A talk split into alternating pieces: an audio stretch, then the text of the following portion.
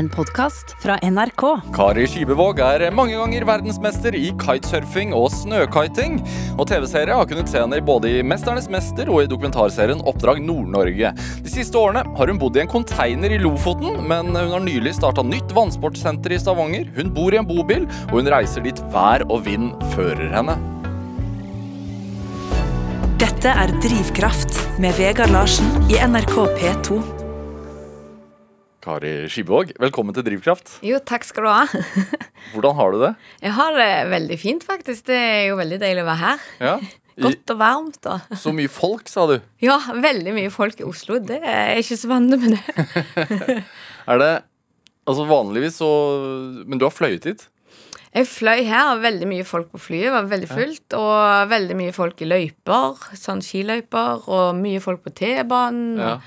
Så jeg føler meg litt sånn Åh, det er mye. Jeg gleder meg til å sette meg i bilen og kjøre igjen, kjenner Ja. jeg. Hvorfor, hvorfor eh, kjørte du ikke hit med huset ditt?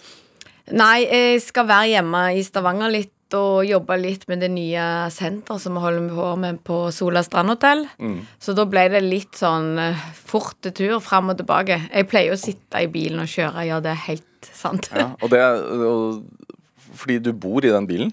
Jeg bor i den bilen, og der er jo meg og Truls, og det er jo der jeg har alle tingene mine, og alt er så mye enklere enn å måtte pakke en bag, komme seg på flyplass eller tog, T-baner Altså, da har jeg jo absolutt alt. Ja, hvem er Truls?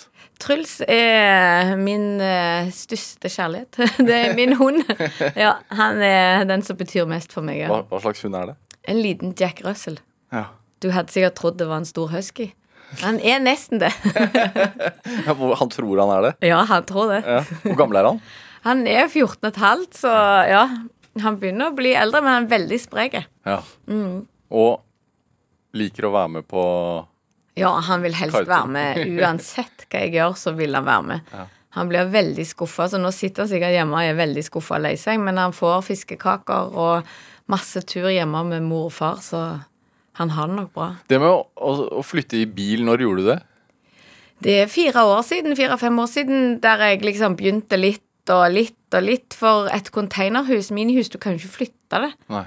Så jeg fikk jo den Jeg, jeg, jeg har ikke ADHD, eller kanskje diagnosen, men jeg blir veldig stressa av at huset står fast. At det er der jeg må være. Så en bobil, da flytter du deg jo der, der det er bra, da. Ja. Eller der du føler for. Hva slags bil er det? Det er en sånn bybobil som er dobbeltseng baki, og så har jeg do og kokemuligheter, stue, kjøkken Alt er der, liksom. Ja. Bare det er jo veldig lite, da, til folk. Men når du kommer fra telt og inn i bobil, så er bobilen superstor. Og hvis du kommer fra bobilen og inn i containerhuset, så er containerhuset superstort. Så kan du tenke deg hvordan det er å komme inn i et vanlig hus. Hva, hvorfor, hvorfor har du blitt fire? Altså, hvorfor trives du med det? Jeg vet ikke. Jeg tror jeg har vært sånn hele tida. At jeg eh, har vært veldig aktiv. Jeg spurte jo mor her bare for et år siden eller noe sånt, så jeg, hvorfor jeg aldri blitt testa for ADHD eller noe sånt. Så sa jeg ja, men du klarte deg jo sjøl når du var liten. Du var jo alltid ute på noe. Ja, nettopp, sier jeg. Så jeg har liksom ikke det. Jeg får vondt i kroppen og hodet og sånn hvis jeg må sitte inne og vite at det, nå skal du være her. Ja. Og da blir jeg helt Ja, da blir jeg ikke meg sjøl. Men er det Det blir kaldt, gjør det ikke det? Kaldt Ja. å reise. ja inni å bo i en bil? Nei, det er jo varm. Det er jo superluksus. Det er five star hotel. Ja, ja, det er the best of the best. Ja. Ja, ja, det er ikke noe tull. Nei, så jeg har varme. Jeg var jo nå på Hardangervidda, eh, og det var jo kolonnekjøring sånn, og jeg sto oppå der og hadde god varme til Truls inni mens jeg var ute og kita, for det var jo veldig kaldt, da. Og masse vind. Eh, men det er, det er superdeilig. Er det Hva er det beste med å bo, i, bo på den måten? Det er jo at jeg kan parkere sånn på Hardangervidda, liksom. Så står jeg der, så har jeg hytte oppå der. Så hvis jeg vil reise til byen, så kan jeg jo ha hytta i byen. Ja. Så jeg kan liksom bo hvor som helst, jeg. Er det noen regler? Ja, selvfølgelig, men du må jo lære deg å finne ut av de reglene. Hva er det, da? Hva så kan, altså, Nei, det er jo sånne som setter opp sånne No camping, no ditt, og ikke parker her, og Men da må du jo bare lære deg å vite hvordan du skal gjøre utenom de reglene. For camping, det er to stoler ut og et bord. ja. Så det er bare hvile, for eksempel. Så du må jo finne ut av hva er reglene. ja, for det er forskjell på å da bare stå parkert Men hvis du tar ut et bord, så camper du? Ja, da camper du. Så jeg camper aldri, jeg, for jeg har aldri ute et bord. da sitter jeg på bakken. Ja. Hva er det mest utfordrende da? Nei, det er jo av og til det eksempel, bilen min har jo ikke firehjulstrekk, og det å komme seg fram på vinterføre i Norge Ofte sånn Jeg skulle jo hjem eller ned til sør da etter nyttår, og da ble jeg jo litt sånn værfast, for at uh, bilen min er jo ikke best å kjøre når det er ja, veldig dårlig føre. Men eh, jeg har liksom kommet meg rundt hele Europa med denne bilen og kjørt rundt og ja, med Truls ved sida av. Når var du sist på en sånn langtur? Jeg kommer jo ned nå fra nord til sør, så skal jeg jo opp igjen nå etterpå. Ja. Om en uke og to. ja. Så jeg kjører jo hele tida, men så stopper litt her, stopper litt der, går topptur, kite, besøker venner. Ja. Ingen plan? Veldig lite plan. Det er det som er problemet med meg, at den planen jeg lager, den følges jo ikke. Så jeg har funnet ut at jeg må ikke lage for mye planer. Og det er kanskje veldig vanskelig for de rundt meg. Hva kan være avgjørende eh, for at du velger å parkere og bli noen dager? Været. Ja. Ja. Og hva, hva vil det si? Nei, Hvis det er sol og vindstille snø på trærne, det, det elsker jeg. Eller eh, snø, sol og vind. Å, herlighet. Altså, det er veldig vanskelig å kjøre fra Hardangervidda når du har perfekt føre. Og så vet du at ja, du skal kjøre ned og gjøre en jobb eller et eller annet og og da er det jo helt håpløst. Ja. Så Har- ofte at det kommer litt seint. Ja. Men har du rasjoner til å kunne bare bli et sted i lang tid? Ja, ja, ja, der er jo alltid noe mat å spise inni der. ikke så nøye på hva, bare du blir litt mett. Men er det, så, er det sånn at du sjekker Yr, og så tenker du ja, der er det bra optimalt vær nå, så kjører du dit? Eh, ja, ofte sånn. Og så er det òg ofte da sant, Venner, det er ikke så lett å være venn med meg. For jeg er jo sånn som så sjekker Yr, så ser jeg Oi, nå er det jo sol to dager til her, men der de er, der er det jo drittvær. Ja. Og da tenker jeg ja, men kom om to dager. Så det er jo ikke Jeg vet jo at jeg er håpløs, men eh, det er jo sånn jeg er. Hva har du med i bilen? Har med alt av uh, turting. Telt og soveposer og vingeutstyr, kiteutstyr, eh, isfiskeutstyr. Ja, jeg har med alt mulig. Pulker og Truls, ting til Truls. eh, mat. Og så har jeg jo alltid litt sånn real turmat og litt i frysen. Og Truls han spiser jo grønnsaker og elg og reinsdyr, så jeg kan jo ofte ta litt av hans. Ja. Så ja. Nei, det, det går seg til, liksom. Sjokolade. Jeg kan leve veldig lenge på sjokolade.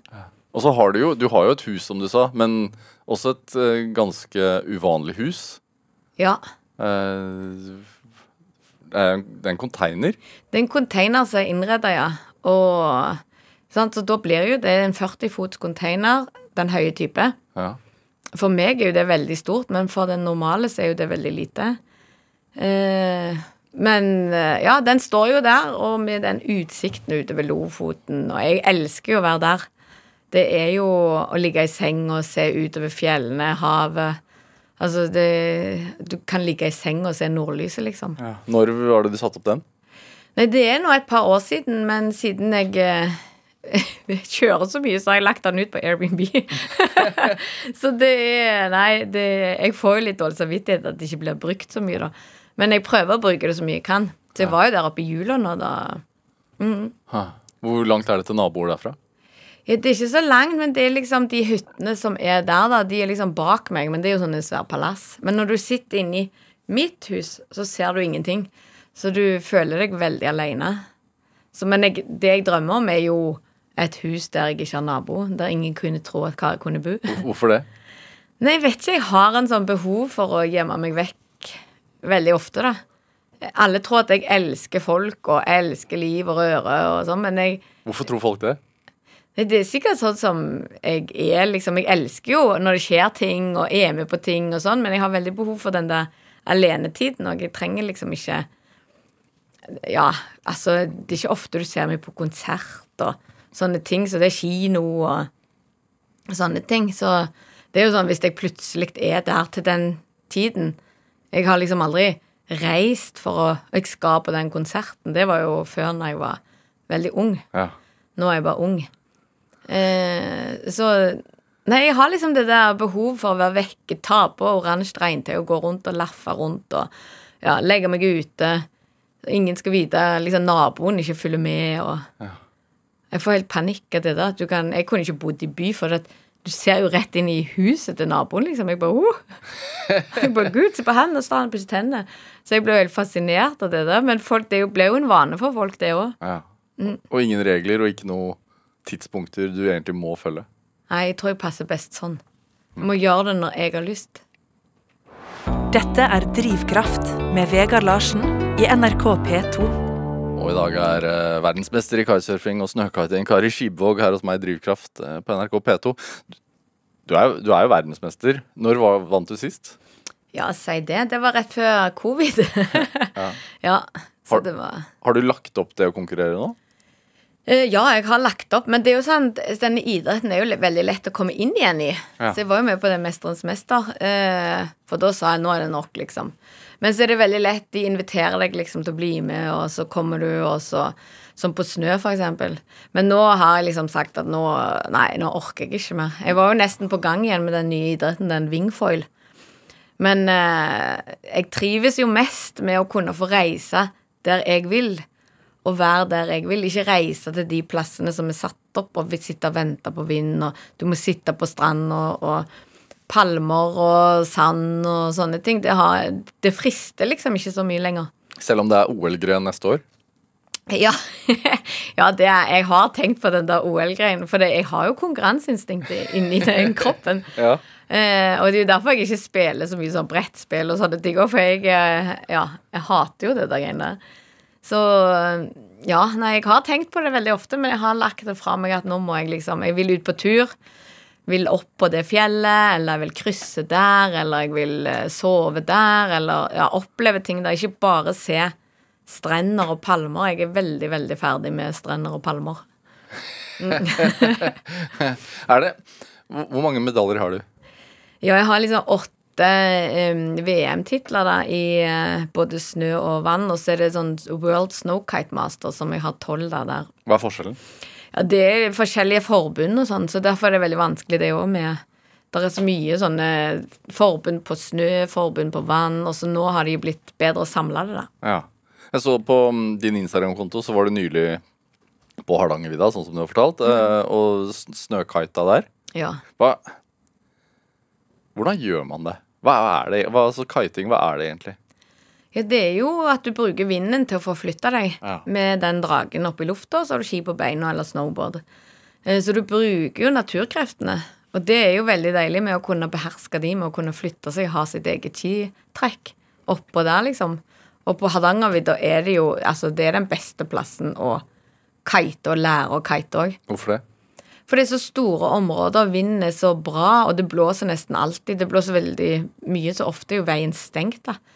Eh, Nå i starten, i mai. Men utover, liksom, så er det jo Altså, det er Hardangervidda er en av mine favorittplasser. Jeg har jo vært veldig mye på Haugastøl der, med godt miljø, med kitere. Du kan bo der, og så får du liksom tips hvor du skal eh, kite oppå der, da. Og så kan du ta kurs og Hvordan, eh, hva, hva, hva slags utstyr er det du har på deg når du Ja, du har, jeg har jo Rando-utstyr, for jeg kiter litt lenger inn gjennom og sånn. Eh, Hvis du kiter bare rett rundt bilen og kan komme deg tilbake, så kan du ha vanlig alpintutstyr. Ja. Um, og så har du gode klær, selvfølgelig. Hjelm. Og så har du trapes rundt magen. Og så er det den kiten der oppe i lufta. Hvor svær er den? Eh, det er fra fire til tolv, da, cirka. Noen har større, noen ikke så mye mindre enn fire. Meter. Ja, meter, kvadratmeter. Mm. Wow. Så det kommer an på hvor mye vind det er. Mm, og hvor stor du er. Så jeg er jo mindre for eksempel, enn en voksen mann, så jeg kan ta mindre kite enn han. Mm. Er det en fordel å være liten?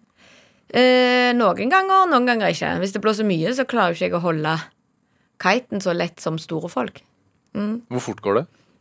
Det kommer an på vind og deg og Ja, men sånn, Hvor fort, fort kan det gå? Eh, Det kan gå veldig fort. Nå er det jo sånn Verdensgrad, verdensrekord, jeg vet ikke hva det er. Det er 52, eller det må dere sjekke. Jeg følger ikke med på hvor fort og hvor galt. Jeg har ikke sånne klokker og alle sånne duppeditter rundt meg. Jeg, jeg bare Ja, ja. Ja. Og jeg får alltid spørsmål hvor høyt hopper du, hvor fort kjører du? Jeg bare Jeg hopper så høyt så jeg hopper. så ja. Nei, jeg vet ikke. Men når du konkurrerer ja. eh, på snø, Mm. Er det da For det er to grener. Det ene er eh, med triks, og det andre er i fart. Ja, det er freestyle og race. Og hva er det du konkurrerer i? Eh, begge deler, Begge deler. gjorde jeg, ja. Ja. Mm. Så det er både at alle starter sammen, og så rundt i en løype, og så førstemann i mål. ja.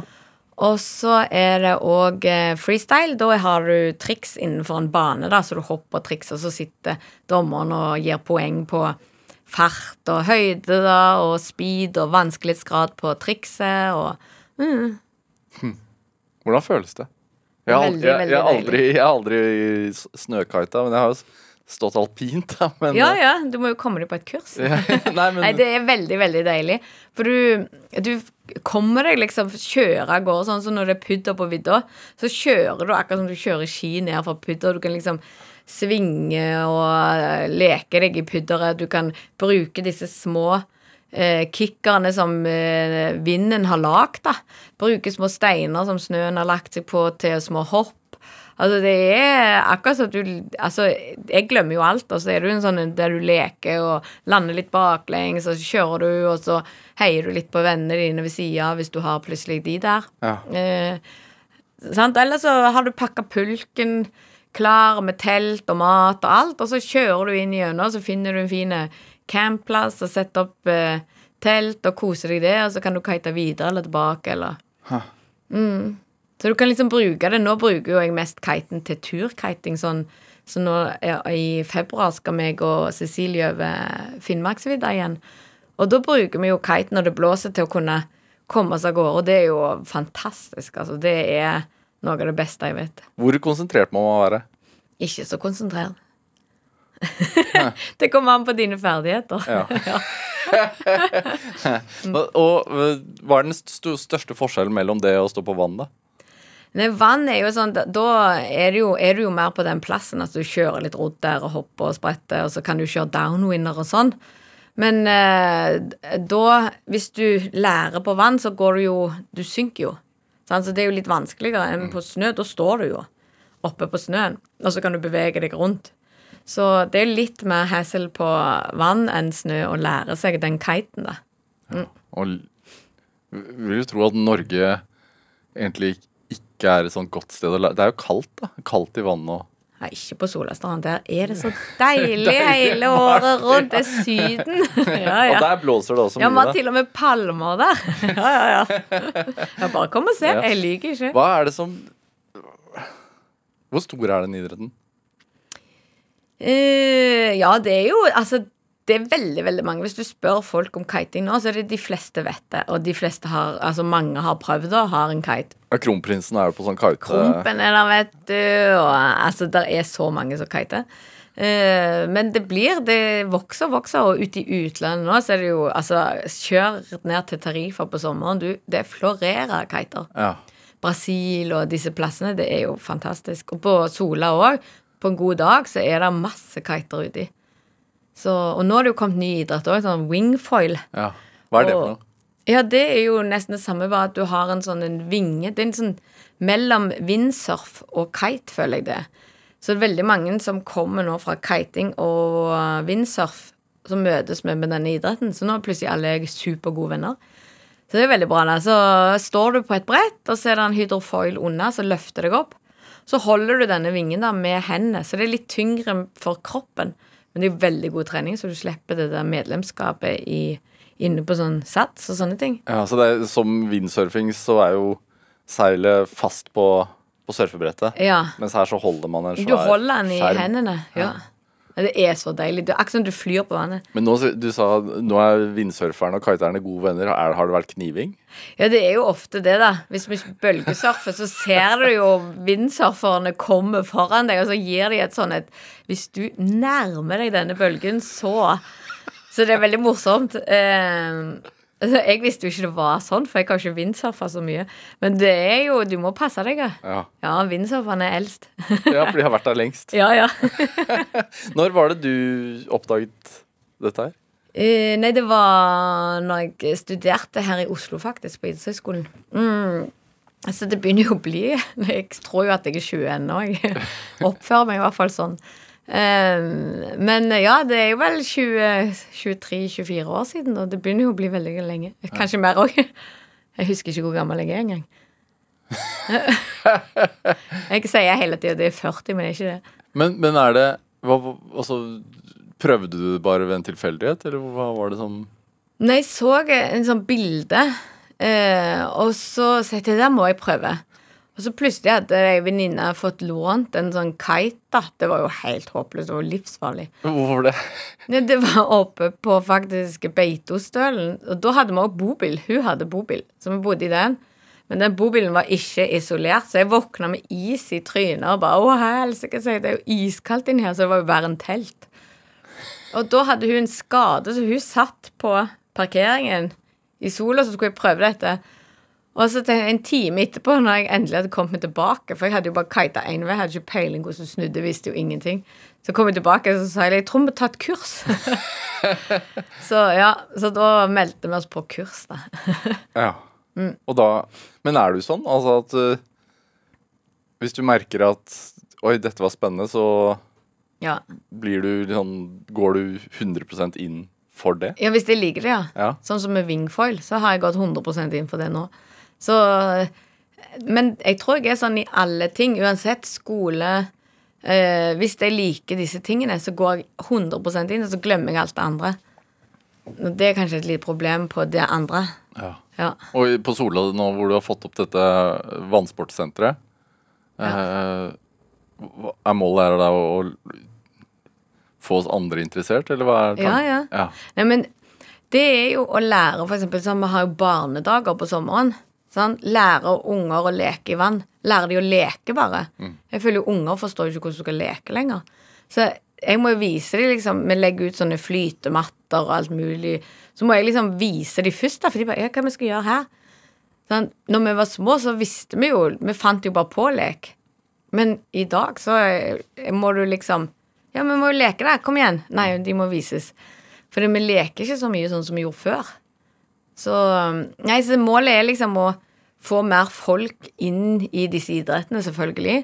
At de får prøve å se om de liker det. Surfing og kiting og wingfoil og Vi har jo SUP og kajakk, vi har jo alt. Og så ungene er jo det å bli tilvant eh, vannet, da. Og vise dem at eh, vann er ikke farlig. Hvorfor er det viktig for deg? Jo, jeg elsker jo havet og leking, og jeg er jo den største ungen utpå der på de her.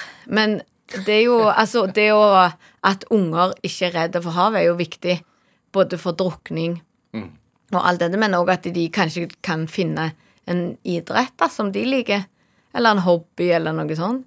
Sånn at de ikke bare sitter og gamer og spiller og Ja. Sånn at jeg føler jo det er viktig å få ungdommen ut. Er det Og barn. Ja. Blir, er du Blir du Altså, gir det deg noe da å se de mestre det etter hvert? Ja, jeg liker jo best de barnedagene fordi at de er så ærlige. Sant? Hvis de hater det, så ser du det med en gang. Sant? Og hvis de elsker det, så ser du òg det med en gang. Ja. Mens voksne, de sier 'ja, det var gøy, dette'. Så du vet ikke om de liker det, eller Noen er jo veldig ivrige og bare woho! Mens andre er jo litt mer sånn Sånn at du ikke klarer å lese dem så helt. Så det er jo veldig Unger er jo veldig gøy å ha. Og så er det veldig gøy å se eksempel når de er livredde når de kommer, og det er så vidt de tør å gå uti. Og så er det de som sliter med, med å få opp etter denne timen. At de bare har tatt helt av, liksom. Og det er kjekt. Ja. Er det det med at du begynte å konkurrere, altså gikk fra liksom prøve det en gang eh, for 20 år, eller litt over 20 år siden, til å starte å konkurrere, hvorfor ville du det? Jeg vet ikke. Det var jo ei venninne da som begynte å pushe fordi jeg mente at det var så lite jenter og sånn, og jeg bare ja, ja, jeg kan jo like så godt bare bli med på det. Og så plutselig hadde jeg hevet meg på alt hele det der greiene. Så det skjer jo veldig kjapt med meg da når jeg plutselig liker noe. Så det er ikke ofte at jeg har en plan, eller sånn Folk lager jo planer og duppeditter. Altså alt er tilrettelagt. Jeg tenker bare OK, let's go. Og så tenker jeg ikke på alt rundt. Hvordan skal du gjøre, liksom, finansiere, hvordan skal dette her bli? Jeg bare tenker at jeg må bare prøve. Eh, og ofte går det jo fint, og ofte går det ikke så fint. så, men det er jo Jeg lærer jo ennå. Ja. Men å, vi tror at det også åpner sånne porter da for eh, vennskap utenfor landegrensene? Ja, jeg kjenner jo veldig mye folk. Eh, bekjente, da. Jeg har jo ikke sånne Jeg har bare et par liksom sånne supergode venner som jeg uh, er Altså som er mine venner, som jeg kan si alt til. Mange tror jeg har veldig mye venner, men jeg har liksom bare et par. Sånne kjempegode. Og så har jeg veldig mye bekjente, da, men som jeg kan besøke. og sånn så Hvis jeg reiser til Spania, for eksempel, så vet jeg Da reiser jeg der, for da kiter jeg og vinger med de.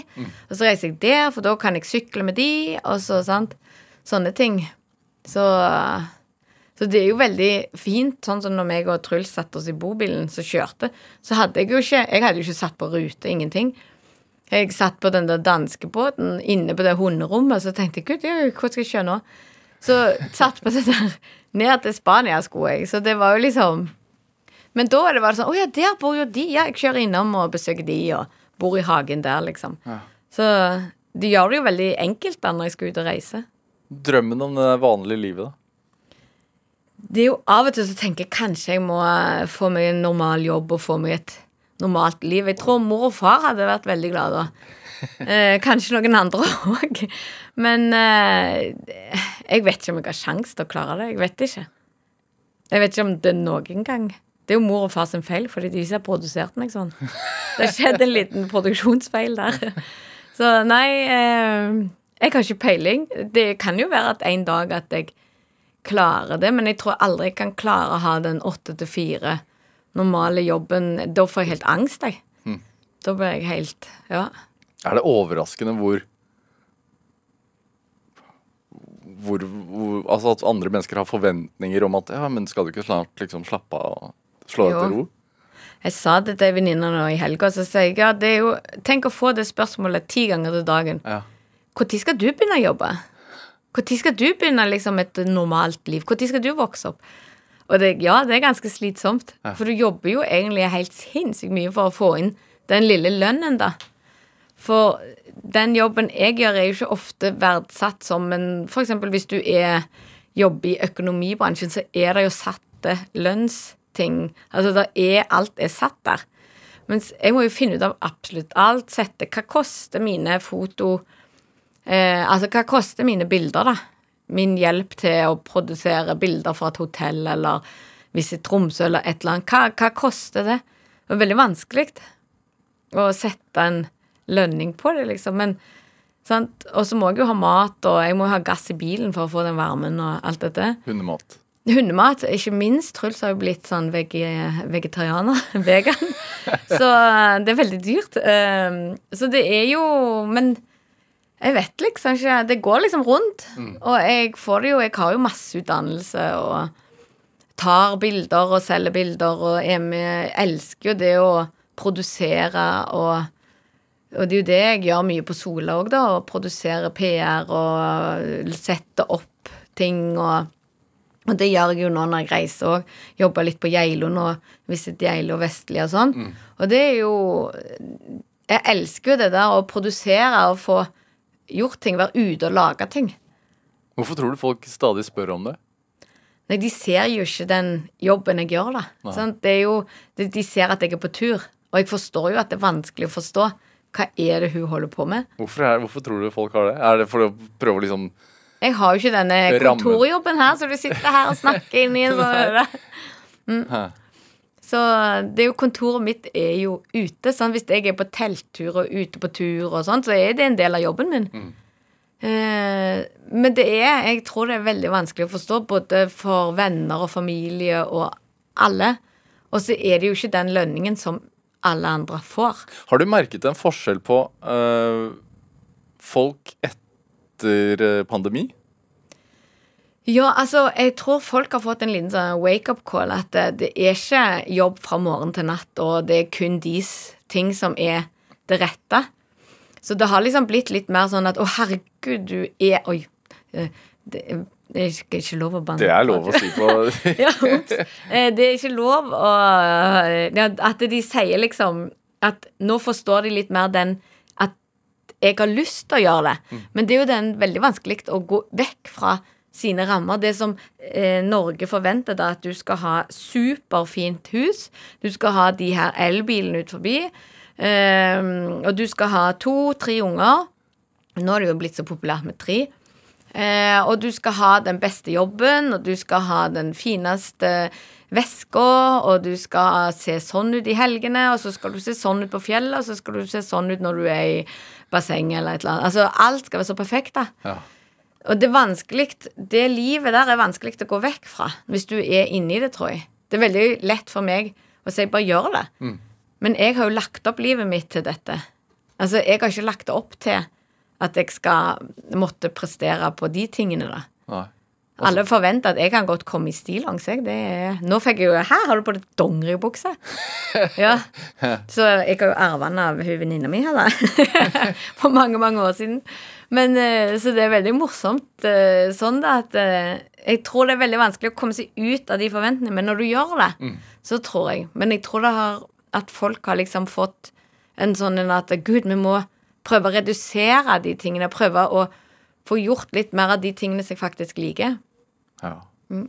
Og, og, men også hvis de spør deg om sånn Skal ikke du også snart begynne med A4-livet, så er det sånn Prøv å presse deg inn i de, de andre rammene som man har valgt selv. Ja, ja, ja. Føl- før var det jo enda mer. Nå tror jeg folk forstår mer det jeg holder på med. For nå begynner det å bli litt mer åpent om at folk Der er folk som er sånn som meg. Det er ikke bare meg. Ja.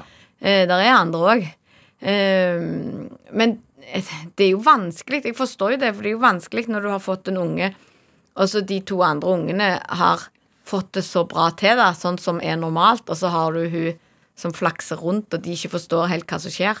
Det er jo liksom Du må passe på pensjon, du må passe på aksjer, du må passe på sånn Altså, det er så mye du skal passe på, da. Ja. Og jeg ble jo også helt stressa. Jeg ble jo stressa av å være i Stavanger, for eksempel, for det er så mye som jeg får vite at jeg må passe på. Og er bare Gud, nei, jeg har jo ikke gjort det. Nei, jeg har jo ikke gjort det heller. Hva er det? Altså Hvis jeg ser på TV, liksom, så får jeg òg bare Å, gud, er det alt dette her? Skal vi ha det sånn? Så jeg har jo ikke TV, jeg har jo ikke noe. Så um, Ja, du blir litt sånn Jeg, jeg er sånn, jeg kan ikke være der, for da blir jeg Sugd inn i det. ja, du blir liksom sugd inn i at du må ha det, du må gjøre sånn, du må kunne det, og du må Så jeg vet da søren hva som er best. Da er du ute på vidda og føler, ja, på, føler på jeg kjører meg ut på vidda, jeg, så jeg er fin i farten. Kari Skibvåg, vi skal spille litt musikk. Um, du har med en Kari Bremnes-låt, 'Er du nord'. Hvorfor det? Jo, eh, for det første er jo et veldig fint navn, da. Og så, og så synger hun sinnssykt bra. Tekstene er veldig fine. Eh, hun er jo fra nord, der jeg har containerhuset. Og så møtte jeg henne første gang når jeg hadde sånn foredrag oppe i nord med sånn kvinnekonferanse, så hun skulle synge etterpå. Og det var litt morsomt, jeg hadde jo ikke peiling hvem hun var, for jeg har bare hørt på radioen. Kaji Bremnes. Så da var det jo litt morsomt. Så første gang hun satte seg ned og sang Altså Hun sto bare to meter fra meg, og det var noe av det fineste jeg har vært på. Ja. Og joik òg, da. Så det var liksom sto mellom joik og hun. Og hun har jo både joik og veldig fint, og veldig fint navn. Så, ja. og så hører jeg på det veldig mye når jeg er i nord, da. ja. Skal vi høre? Ja.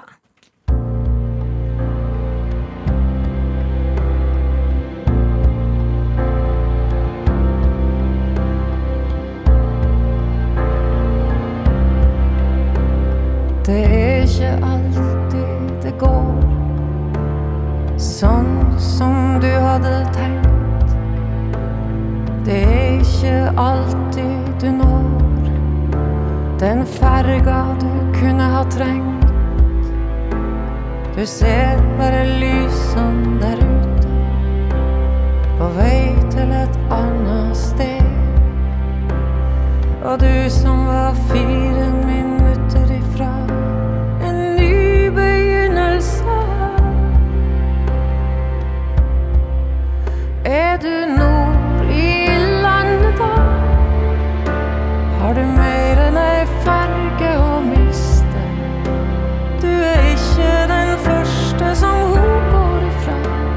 du blir ikke heller den siste. Er du nord i landet da? Er du nord i landet da?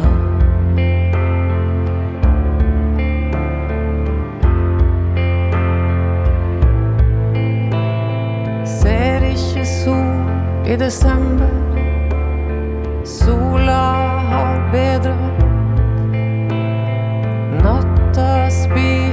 Dagen din. og blir visst aldri møtt. Himmelen har ikke nordlys. Stjernen har begynt for seg sjøl. Selv seg i alle butikkene, og du ser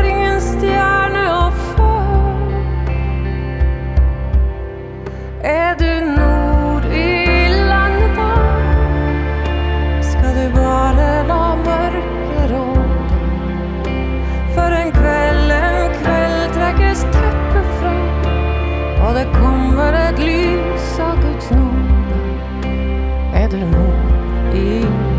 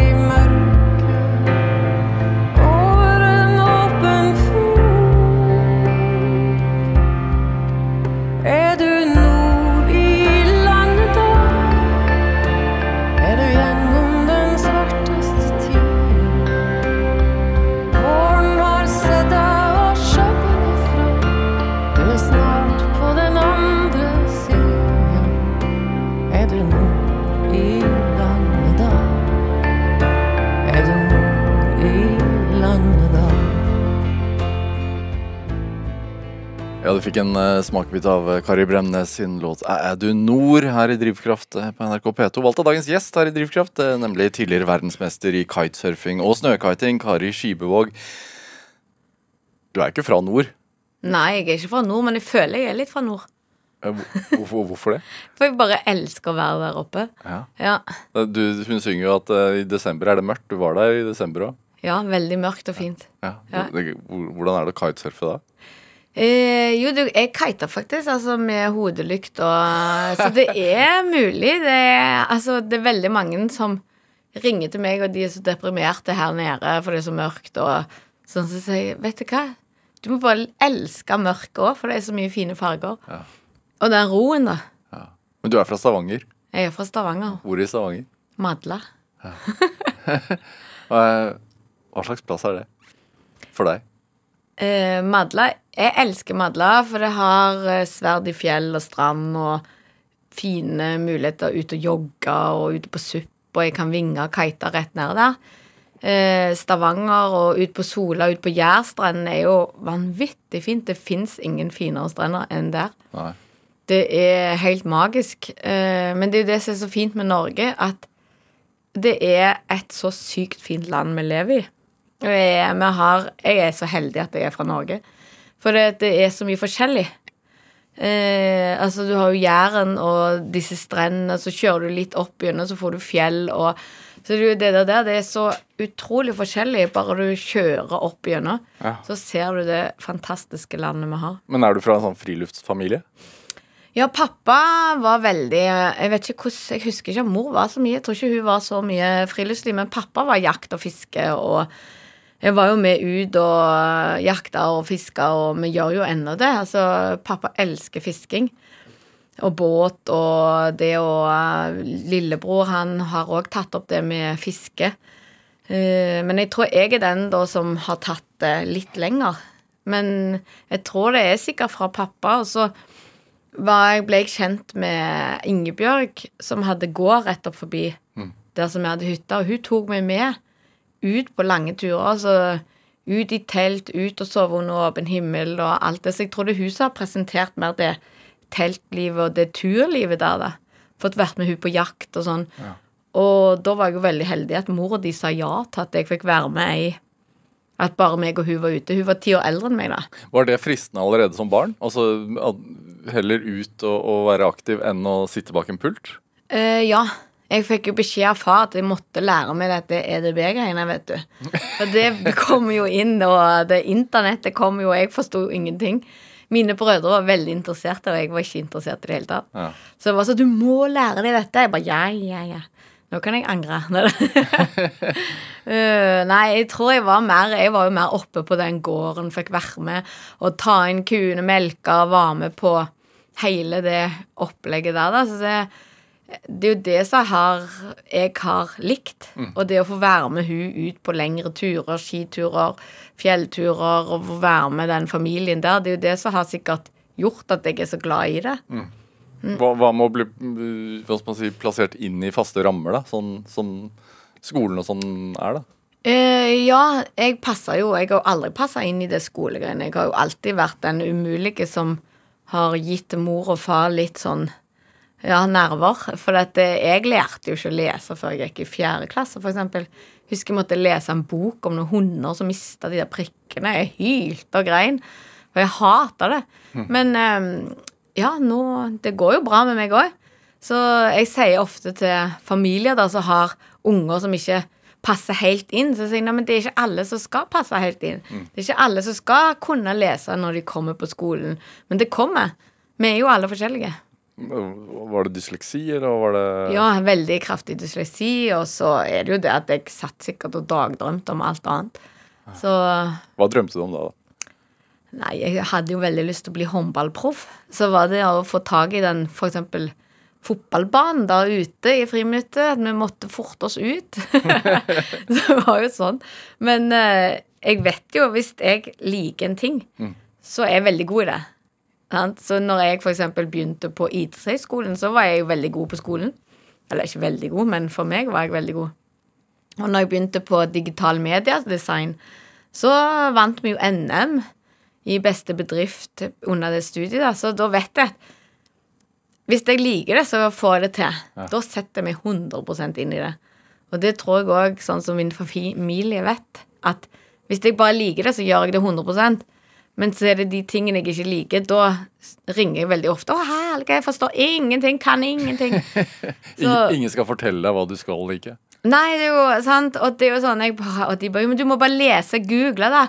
Nei, jeg klarer ikke google, jeg forstår ingenting. Sånn, Da får jeg jo sånne sperrer. Uh, og da føler du jo helt håpløst. Men jeg vet jo at bare setter meg ned og bruker tid, så får du jo til. Ja. Men det er jo det der, det vanskelige der. Du jobba en periode um, med ungdom. Ja. Hva gjorde du da? Jeg jobba i barnevernet på sånn hus der eh, barnevernsungdom kom med unge rusmisbrukere, var det da. Hvorfor ville du det? Jeg trekkes veldig mye til ungdom altså, som har litt problemer, da. Ehm, det å hjelpe, det å se og det å være der.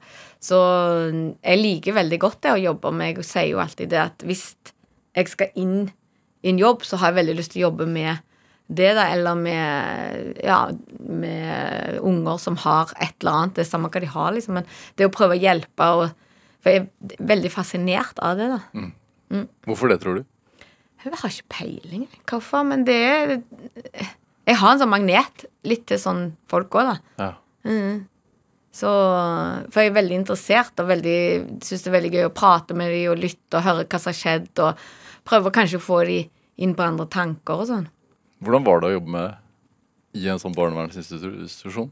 Altså, det går jo opp og ned, for det er så mye skjebner. Men når det da lykkes, så er det jo helt sinnssykt bra. Altså, da ser du jo hvor takknemlige de er. Det at vi klarer å sette grenser for dem, for det er jo ofte det som de ikke har fått hjemme. At ikke foreldrene har sett dem. Og alle har jo behov for å bli sett. Det har jo absolutt alle. Alle vil ha en Ja, en, at du, er flink. At det du gjør, er riktig. Så, og det er nøkkelen på mye, det.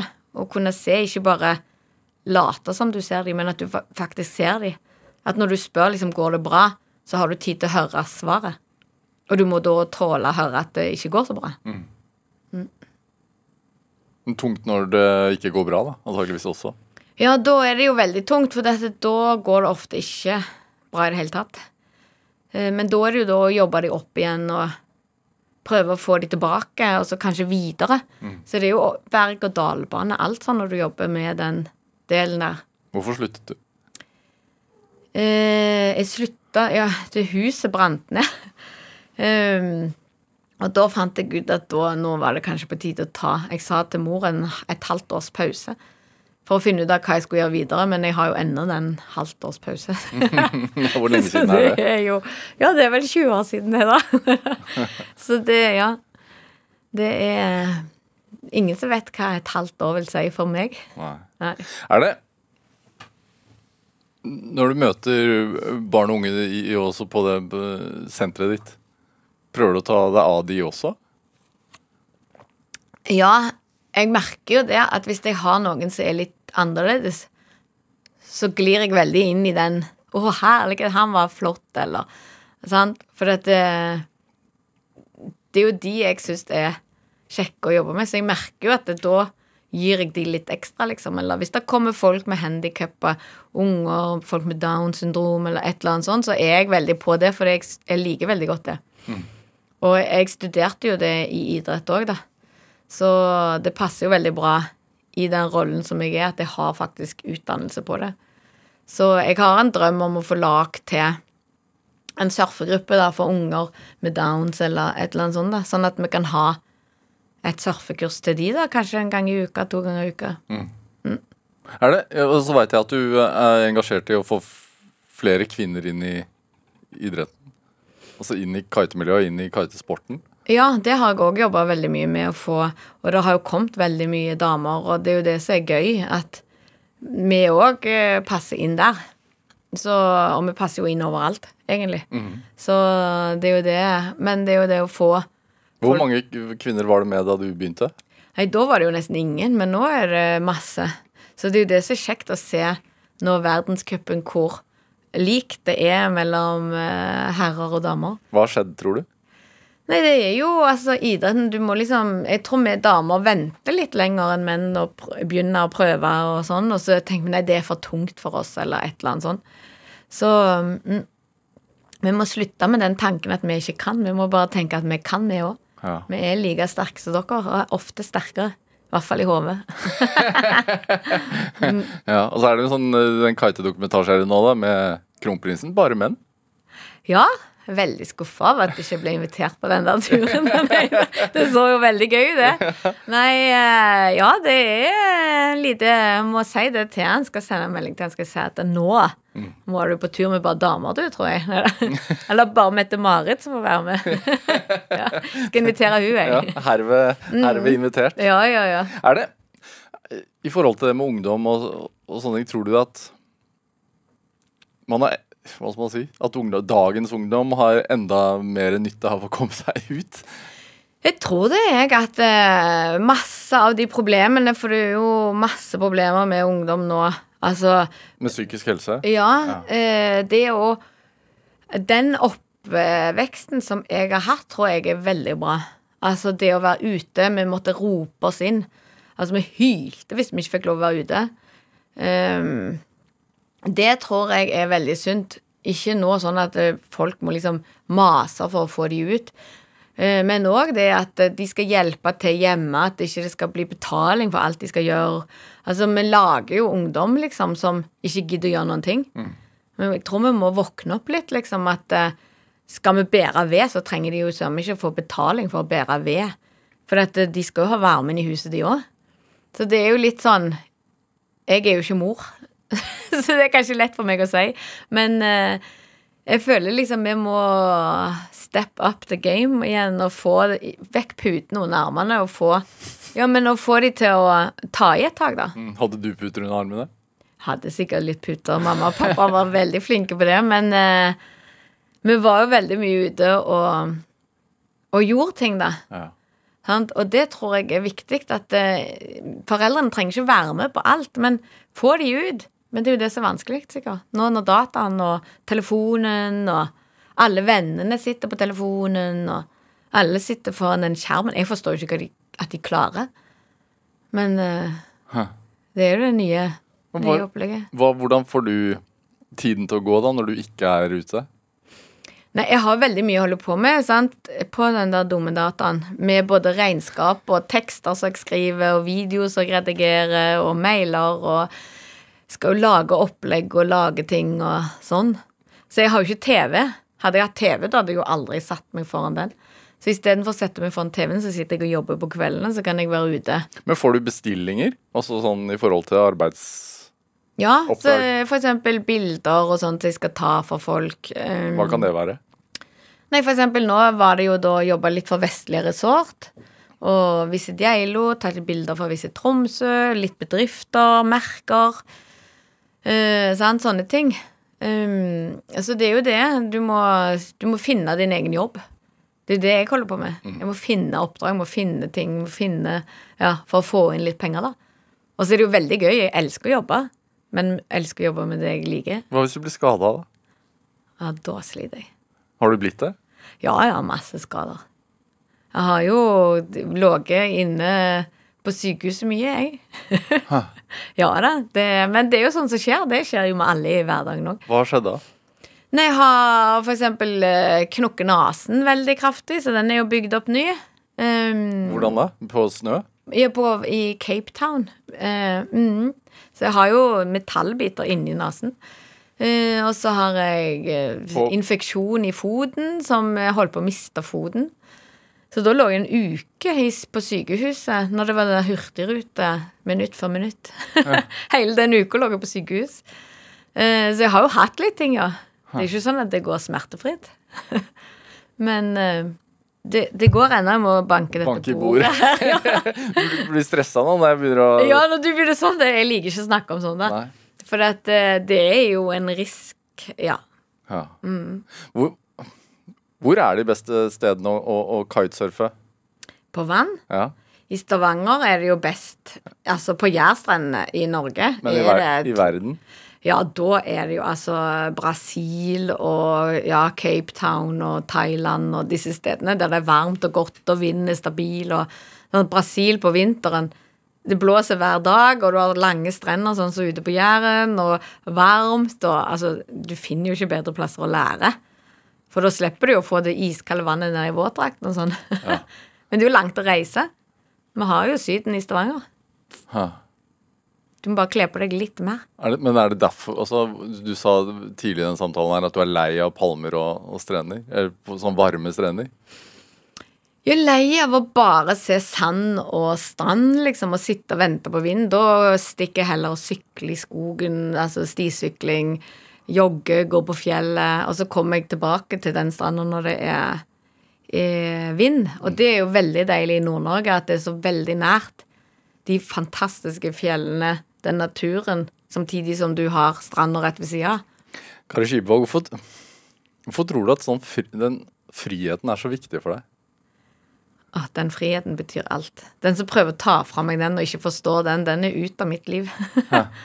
Men hvor, hvor, hva er det som Det er, det er bare den at jeg får helt panikk hvis noen prøver å sette meg i en bås. Og jeg blir ganske Jeg kjenner når folk spør meg om disse tingene, så blir jeg litt sånn forbanna for at de ikke forstår det, da. Ja. At det er meg å være ute og reise. Du kan ikke sette meg i en bås og si 'her skal du være', du må gjøre sånn, for dette er riktig. Og Merker du det? At nå må du videre? Mm. Hvordan da? Jeg blir helt Jeg blir rastløs.